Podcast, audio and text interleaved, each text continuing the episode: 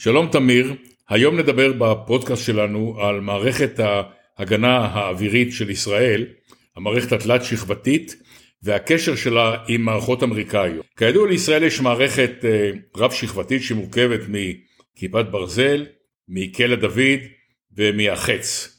אנחנו בימים האחרונים נתקלים בפעולה המוצלחת מאוד של אה, כיפת ברזל שמיירטת אה, חלק גדול מהרקטות שמשוגרות מעזה. אבל לישראל יש מערכת שגם אמורה להתמודד עם איומים יותר רציניים. כאמור, החץ אמור להתמודד גם עם טילים בליסטיים, ורק להזכיר, כרגע גם מפתחים אה, את החץ 4 שאמור להתמודד גם עם טילים בליסטיים הרבה יותר מתוחכמים. אבל ישראל בשנים האחרונות אה, הגדילה את שיתוף הפעולה בין מערכות ההגנה האווירית שלה לבין מערכות ההגנה האווירית האמריקאיות. היו בשנים האחרונות כמה תרגילים משותפים שלנו ושל האמריקאים, שבהם נבדקה ונוסתה התקשורת בין המערכות הישראליות למערכות האמריקאיות.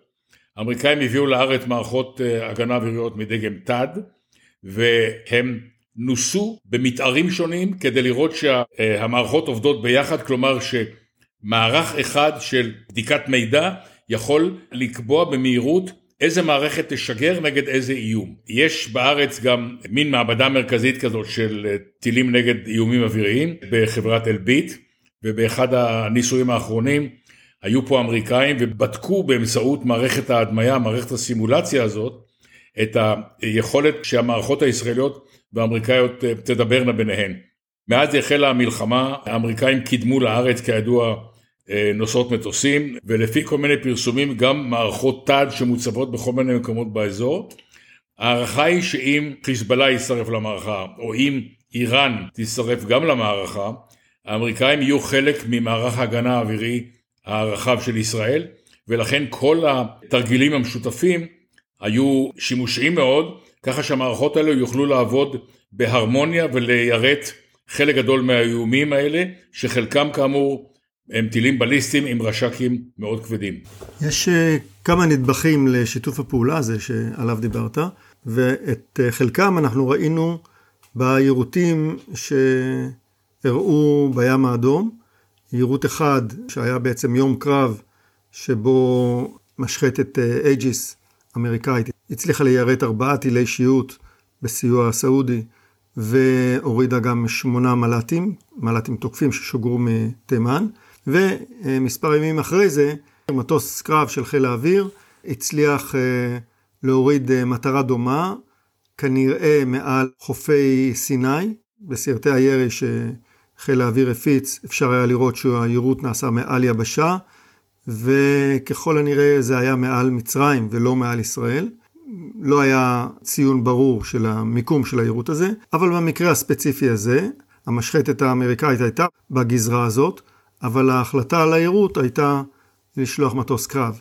כך שיש תיאום, כפי שאמרת, אה, שתורגל בעבר שוב ושוב, יש תיאום בין ישראל, בין ארצות הברית, מי לוקח מה, והדבר הזה עובד יפה מאוד. בנוסף, יש אה, מערכות אה, ניטור אמריקאיות, מערכות אסטרטגיות שצופות על כל העולם בעצם, בניסיון לאתר שיגורים. המערכות האלה מערכות אלקטרואופטיות, מערכות טרמיות, סורקות את כל כדור הארץ ומאתרות מקומות שבהם יש חתימה של שיגור טיל. הדבר הזה מאפשר התראה ראשונית על שיגור ולאחר מכן מעקב לאורך חלק מהמסלול כדי להתריע לאן הטיל הזה רץ.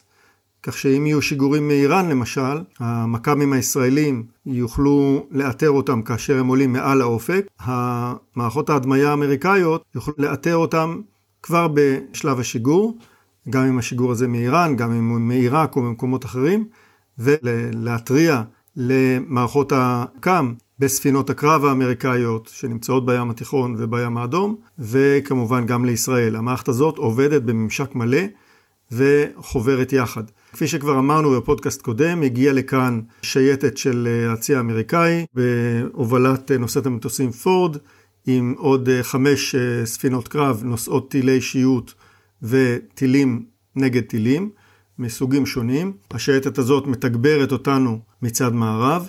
שייטת נוספת אה, בהובלת האייזנהאואר הגיעה לים התיכון, עברה את מצרי גיברלטר, והיעד שלה הוא הים האדום והלאה לים הערבי, והיא תוצב כהרתעה לאיראן מדרום למצרי הורמוז. שייטת שלישית, בהובלת נושאת המטוסים וינסון, מיועדת לצאת מהאוקיינוס השקט ולתגבר את המערך הזה איפה שיוחלט. כך שהולך להצטבר פה כוח גדול מאוד, כוח אמריקאי גדול מאוד, אה, בנוסף למאמץ הישראלי האדיר שמושקע מול עזה ומול אה, חיזבאללה. משחק הקלפים הזה, הפוקר הזה, נהפך למשחק מאוד מאוד קשוח.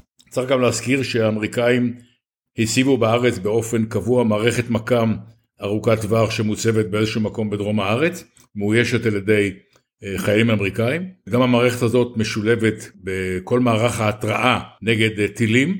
כלומר, אם לסכם, האמריקאים הבינו בזמן שהם חייבים לשלב איתנו כוחות בנושא של האיומים הטיליים, בעיקר אלה מאיראן, אבל כרגע הם מרכזים גם כוח כדי לסייע לנו במקרה שנסראללה ירצה להשתתף במלחמה ויתחיל לשגר עלינו חלק מהרקטות המדויקות שלו.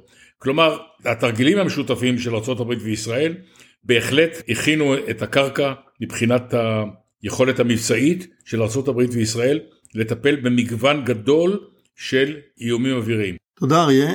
לאחר שסיימנו את ההקלטה, שיגרו החות'ים מתקפה של שני טילי שיוט וטיל בליסטי ארוך טווח ששוגרו מתימן. האיום התגלה הבוקר על ידי מערך ההתראה הישראלי וסוכל. הטיל הבליסטי יורד באמצעות טיל חץ במהלך מעופו מחוץ לאטמוספירה, יירוט מבצעי ראשון ומוצלח למערכת ההגנה הישראלית מפני טילים. טילי השיוט יורטו גם הם, אם כי בשלב זה עדיין לא נמסרו פרטים. היירוט נעשה הרחק מאילת, למרות שבעיר וסביבתה נשמעה אזעקה הבוקר. זוהי מתקפה שלישית מכיוון תימן, בתקיפה הראשונה היו שיגורים של טילי שיוט ומל"טים, בשנייה היו כנראה מל"טים, ובשלישית היום טילי שיוט וטיל בליסט. דובר הצבא החות'י לקח אחריות על המתקפה, ואיים כי התקיפות האלה ימשיכו. כדאי לציין בהקשר זה שהחות'ים אה, תקפו בעשרות, אולי אפילו מאות טילים בערב הסעודית, תקיפות שחלקן פגעו במטרות, חלקן יורטו על ידי מערכות אה, פטריוט. חלק מההתקפות, ובמיוחד זכורה לנו התקפה מספטמבר 2019, כוונו לעבר מטרות תשתית בסעודיה, השתמשו בהם בטילי שיוט ובמל"טים ששוגרו מאיראן, המל"טים שוגרו מאיראן, כך שהאיראנים יודעים להשתתף בתקיפות של החות'ים מתימן, וייתכן שירחיבו את הפעילות גם כאן. האיראנים למעשה פותחים חזית מכיוון דרום, החות'ים נמצאים הרחק מהישג ידינו הישיר. תקיפה בתימן זה סיפור של טיסה ארוכה ופיזור המיקוד הישראלי לאזור שהוא יותר בעייתי. האיראנים יכולים גם להשתמש בשטח העיראקי לתקיפת ישראל, משם הם יכולים להשתלם, משם הם יכולים להשתמש כנגדנו בטילים בליסטיים לטווח בינוני, וכמובן הם יכולים לשגר ישירות מאיראן טילים אה, בליסטיים לטווח ארוך. זאת כבר תהיה מעורבות ישירה והסלמה מאוד חדה של העימות. כך שאנחנו צריכים לראות את המדרגות בהן האיראנים יבחרו להשתמש, בינתיים הם מעלים את המדרגה באמצעות שלוחיהם החות'ים. עד כאן לנושא של ההגנה האווירית עם ההתפתחות של היום. תודה אריה ולהתראות.